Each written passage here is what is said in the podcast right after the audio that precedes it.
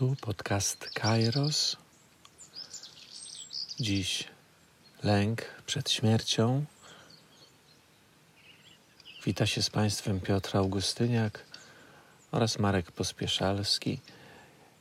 Spróbujemy spuentować, o ile to możliwe, ten trudny temat zaświatów nieziemskich nadziei, kościelnych hipokryzji i tego typu spraw, proszę wspierajcie nas w systemie Patronite oraz udostępniajcie, komentujcie.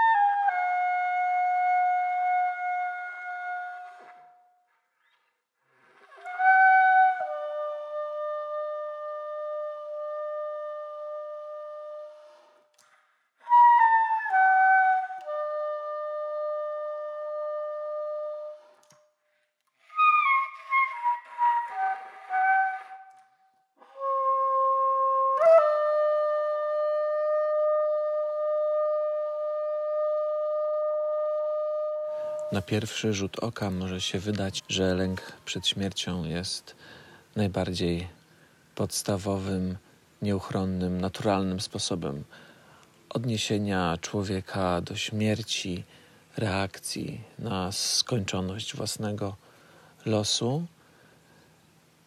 Tymczasem, kiedy przyjrzeć się historii intelektualnej, duchowej, choćby zachodniego świata, przede wszystkim zachodniego świata, to okaże się, że lęk przed śmiercią nie zawsze był i nie zawsze musi być takim właśnie podstawowym i nieuchronnym odniesieniem człowieka do własnego życia. Jeśli przypomnicie sobie choćby Iliadę, to tam Achilles, mając do wyboru długie życie lub sławę, wybiera to drugie, a to znaczy, że coś takiego jak lęk przed śmiercią nie jest dla niego podstawowym problemem i wyzwaniem życiowym. No właśnie, więc jak to jest z lękiem przed śmiercią? Może najpierw o tym, że ten temat jest niezwykle istotny, jeśli chodzi o wszystkie te kwestie, o których mówiliśmy ostatnio. No bo gdyby nie lęk przed śmiercią, to przecież te nieziemskie nadzieje, które podsuwa nam rzeczywistość religijna, kościelna, nie byłyby dla nas tak bardzo trucicielskie, jak powiada Nietzsche, a może łagodnie, nie byłyby tak bardzo absorbujące i nie poddawałyby nas tak bardzo temu instytucjonalnemu wpływowi. A więc problem jest fundamentalny. Poza tym można mieć wrażenie, że lęk przed śmiercią to jest rzeczywiście coś, co w takim czasie jak listopad, święto listopadowe, nie to niepodległościowe, ale to pierwsze, nie miałoby takiej siły, jakiejś e, perwersyjności w sobie, tego szaleństwa cmentarnego, tej paniki, tego podekscytowania, tego, jak to powiedziałam ostatnio, rozpalania i spalania gliceryną tak wielu miejsc pochówku wszystkich. Jest w tym coś nienaturalnego. Jeśli czujecie tego rodzaju emocje, patrząc na początek listopada w naszym kraju, to myślę, że zgodzicie się, że ta kwestia lęku przed śmiercią jest czymś, co szalenie mocno naznacza nas wszystkich, szalenie mocno nas indukuje. A więc jak jakoś osadzić ów lęk przed śmiercią w całej naszej egzystencjalnej strukturze? Freud powiada w jednym z miejsc, że w gruncie rzeczy lęk przed śmiercią, przeżywanie lęku przed śmiercią jest przesłoną, jest czymś, co skrywa nasz lęk przed życiem. To jest myśl bardzo intrygująca i niełatwa do przyswojenia. Ale zdaniem Freuda te fantazje na temat śmierci, nie wiem, wypadku, który może mnie spotkać, moich bliskich, którzy mogą odejść, paniczny lęk przed rzeczami, które mogą przynieść mi śmierć, przed lataniem samolotem, przed tego typu sprawami, że to jest coś, za czym skrywa się jakiś taki głęboki lęk przed życiem,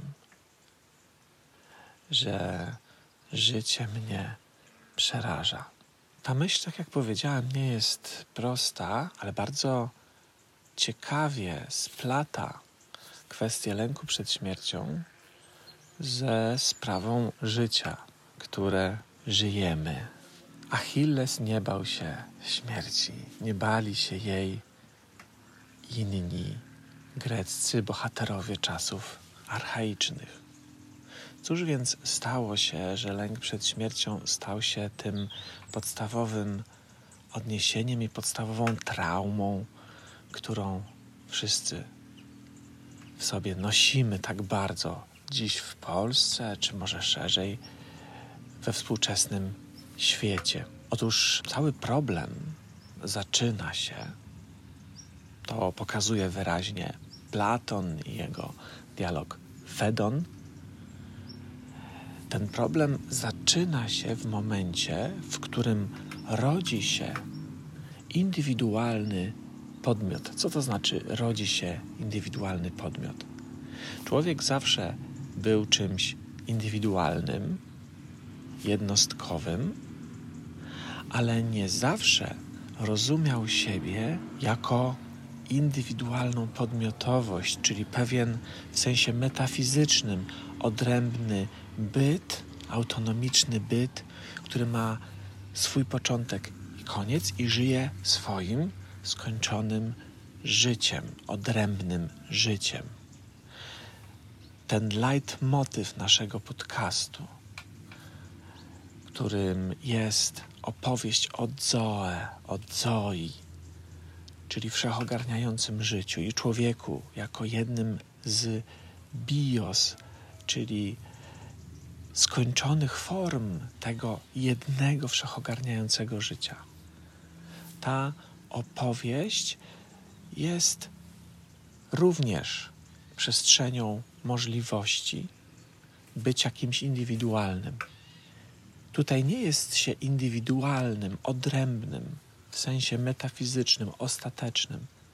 Tutaj jest się cząstką całości, a można nawet powiedzieć całością w tym momencie w cząstce urzeczywistnioną, ale właśnie jako coś indywidualnego. I w takiej perspektywie śmierć jest czymś naturalnym, najbardziej naturalnym. Każda skończona forma życia musi kiedyś się skończyć. Kiedy kończy się, to kończy się definitywnie. Być może pozostaje jakiś cień, jakiś powidok.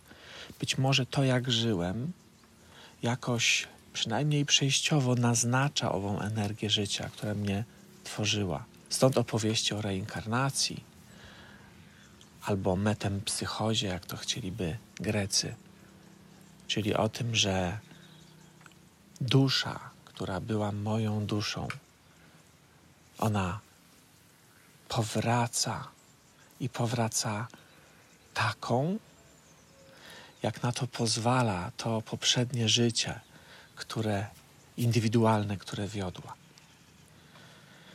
To są oczywiście pewne mitologiczne opowieści i niech mi żaden buddysta nie mówi, że pitole, bardzo przepraszam, ale trzeba zastanawiać się trochę nad różnymi przekazami tradycji religijnych, pierwotnych, archaicznych, do których należą też tradycje wschodu.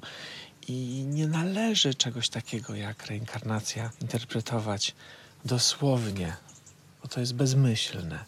Tutaj chodzi o koło życia, które to życie animuje świat, jest duszą wszystkich rzeczy. Ono jedno. To nie są indywidualne dusze, które cyklicznie krążą, ale jest jakaś, jeśli chcecie, ok, cząstka jednej energii życia, która była moją duszą. Ale kiedy umieram, już nie jest moją duszą, już nie jest mną. Jest jakimś wymiarem tej żyjącej energii, która jest co najwyżej naznaczona tym, jak żyłem. W związku z tym, jeśli żyję dalej, żyję w innych istotach, to w jakiś sposób jest naznaczona tym, jak ja owo życie przeżywałem. Okej, okay. dygresja, ale bardzo ważna. Zresztą ktoś z Państwa, jeden z patronów podcastu, prosił mnie o to, żebym coś o reinkarnacji, metempsychozie powiedział. To tyle jestem w stanie powiedzieć dzisiaj. Może jeszcze do tego tematu wrócę.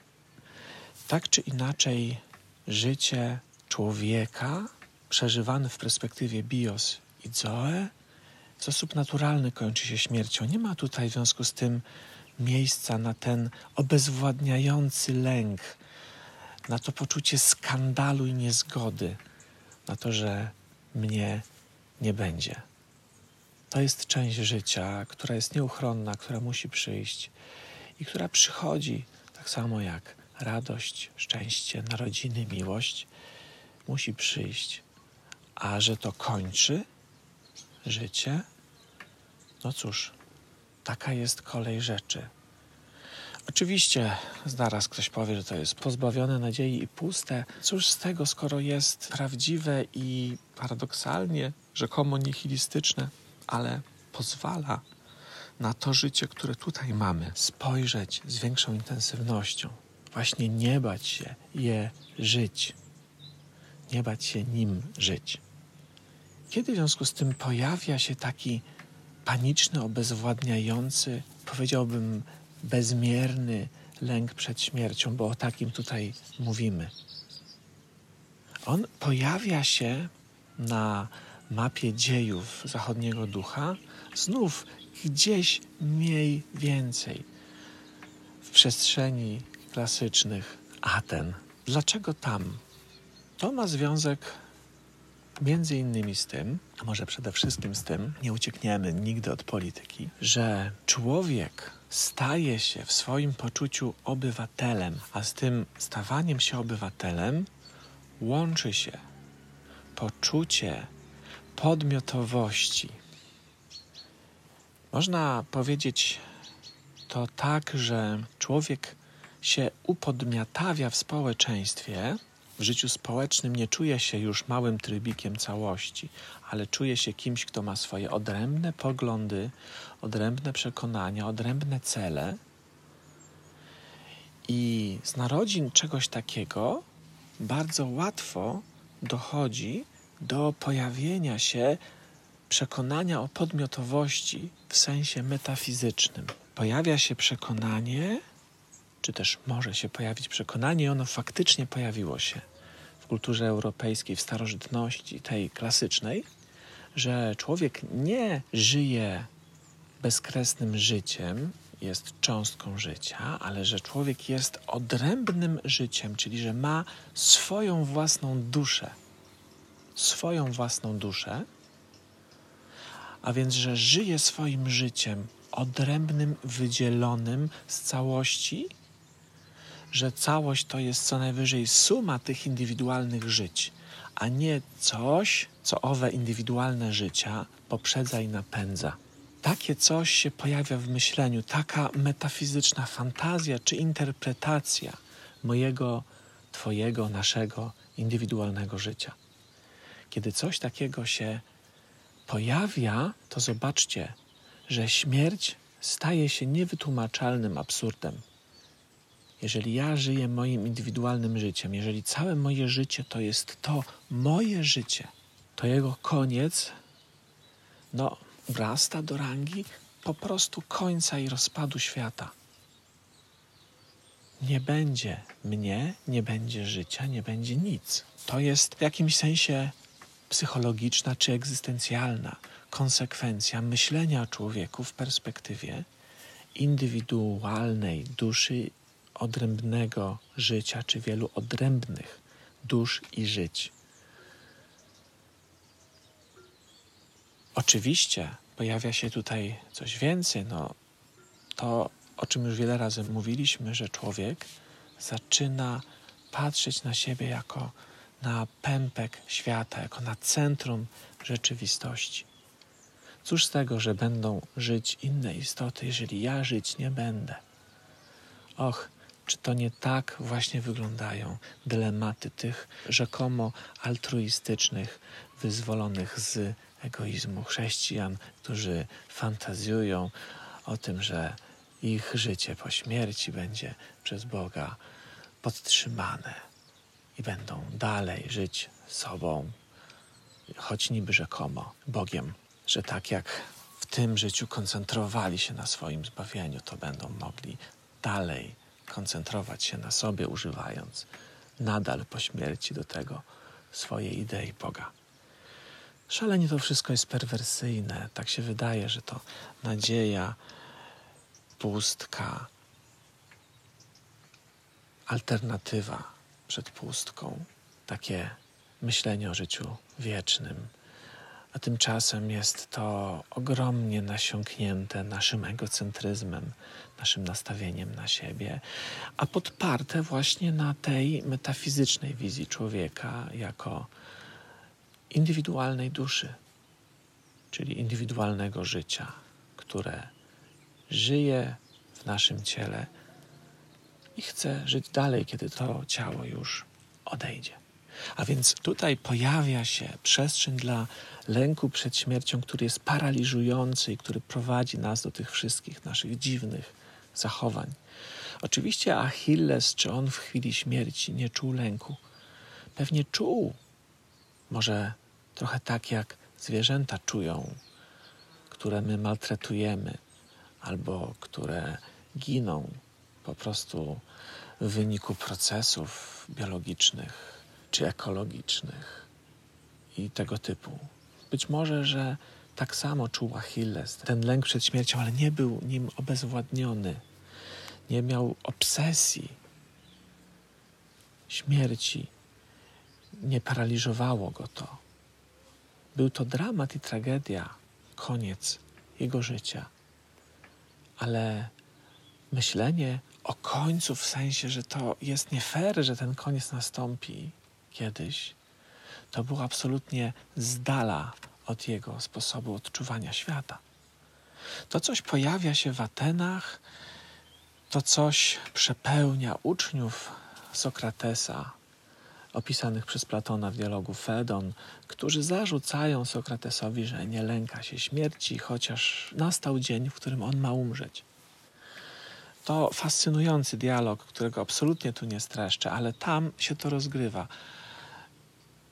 Konfrontacja dwóch sposobów podejścia do śmierci, które wynikają z dwóch sposobów podejścia do życia. Sokrates nie boi się śmierci, choć nie do końca chyba, ale jest w stanie zdobyć się na przekroczenie lęku przed śmiercią, dlatego że w opisie Platona jest trochę takim archaicznym człowiekiem, takim kimś, kto się dokopał do tej perspektywy Zoe i Bios. Więc jest w stanie, choć się boi, przyjąć śmierć jako coś sensownego, jako istotny element życia i koncentrować się na tym, co tu i teraz, na intensywnym myśleniu, intensywnym odczuwaniu. I do końca potrafi zachować dystans, ironię, czułość, wnikliwość. No i są ci jego towarzysze, którzy są już w pełni chciałoby się powiedzieć, nowoczesnymi podmiotami, takimi jak my, dla których śmierć jest największym skandalem, którzy boją się śmierci i którzy wręcz uważają za skandal, że ktoś się nie boi, tacy, tacy księża. W pewnym sensie, w pewnym sensie wszyscy ludzie nowocześni są księżmi. O ile oburzają się i domagają się tego, żeby śmierć uważać za absurd. To się tam pojawia i to towarzyszy nam aż do dzisiaj, bo wszyscy jesteśmy tymi indywidualnymi podmiotami, które nie rozumieją swojej przynależności do Zoe, do ogólnokosmicznego dynamizmu życia. I wtedy pojawia się śmierć jako absurd, i wtedy jest lęk przed śmiercią. A więc, jeżeli chcielibyśmy sobie jakoś pomóc w tym, żeby lęk przed śmiercią nas nie paraliżował, to przestańmy bać się życia jako czegoś, co nas przekracza i czego jesteśmy tylko chwilową cząstką. Spróbujmy myśleć o Zoe i Bios. Jeśli chcecie, to możecie myśleć o tym słuchając tego podcastu, bo cały czas ten temat się przewija. Wtedy lęk przed śmiercią nie będzie dominantą naszego życia. Myślę, że to jest bardzo istotna rzecz, bo w jakimś sensie, przynajmniej w Polsce, patrząc na listopad, on ową dominantą jest. I jeszcze jedna rzecz, albo dwie. Zobaczcie, że chrześcijaństwo, które nam obiecuje te nieziemskie nadzieje, ono nie jest czymś, co nam pomaga, ale właśnie paradoksalnie jeszcze bardziej wrzuca nazwów lęk przed śmiercią, obsesję na temat śmierci, niepogodzenie ze śmiercią, które paraliżuje nasze życie. To jest bardzo istotna myśl. A druga na koniec jest taka, że rewersem lęku przed śmiercią jest bezmierna żądza Rządza czego? No życia bez końca, ale to może oznaczać również ludzkiej żarłoczności, ludzkiego parcia do nadmiaru. To też myśl bardzo antyczna, u Platona, Arystotelesa się przewijająca, że człowiek jest ten, który staje się indywidualnym podmiotem, który ma swoją indywidualną duszę, odrębne życie. Ten człowiek tak jak powiedziałem, staje się dla siebie pępkiem świata, ale to ma konsekwencję taką popędowo-pożądawczą, że on pragnie bezmiernie jeszcze więcej życia, jeszcze więcej przyjemności z tym związanej. Bezmierna żądza znaczenia, posiadania, przyjemności, władzy, Bezmierna żądza to jest coś, co buduje tę indywidualną, skończoną podmiotowość, która swojej skończoności nie akceptuje, nie przyjmuje.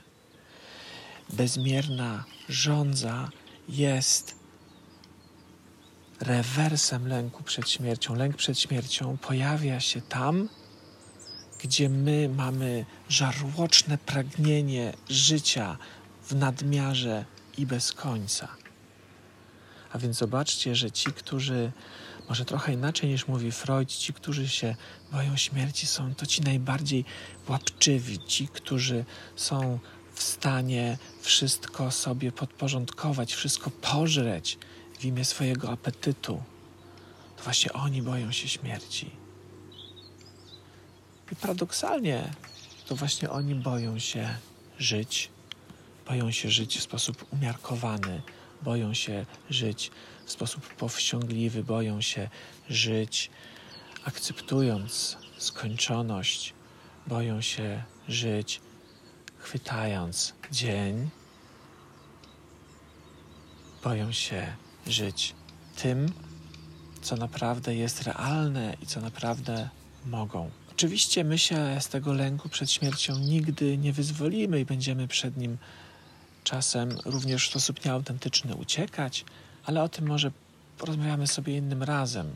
Jednak jeszcze kiedyś do tego tematu wrócimy. Tymczasem rozpoznaliśmy bezmierny lęk przed śmiercią jako problem, jako rewers naszej żarłoczności, jako efekt przewrotu metafizycznego w myśleniu o świecie i o samych sobie, jako element zatracenia perspektywy bios i zoe. Zostawiam Was z tymi myślami. To nie tak, że nie będziemy się bać śmierci, zawsze będziemy się jej jakoś bać, no bo koniec końców jesteśmy tymi metafizycznymi podmiotami, tak siebie rozpoznajemy. Trudno jest od tego uciec, ale ten, kto próbuje od tego uciec, kto próbuje to przezwyciężyć, ten lękiem przed śmiercią nie jest obezwładniony, a więc również nie boi się żyć, chwytać tej energii życia, tej otwartości i przede wszystkim kairosa, który w śmiertelnym życiu człowiekowi się przytrafia.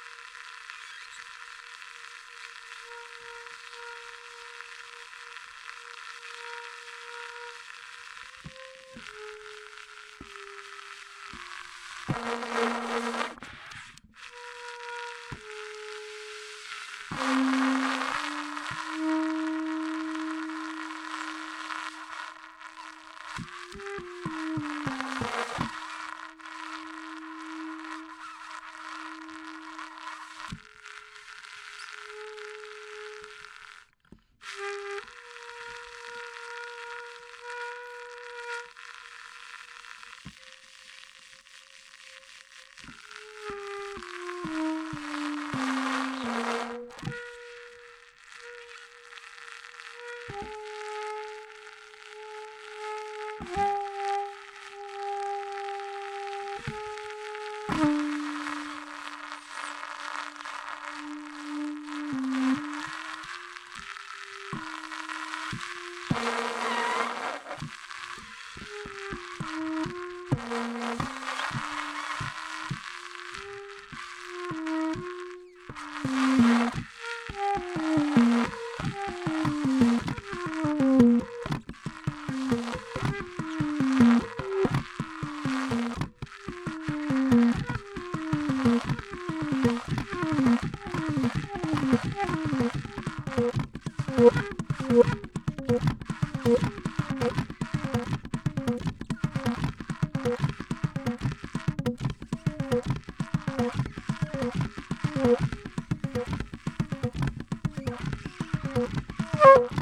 Thank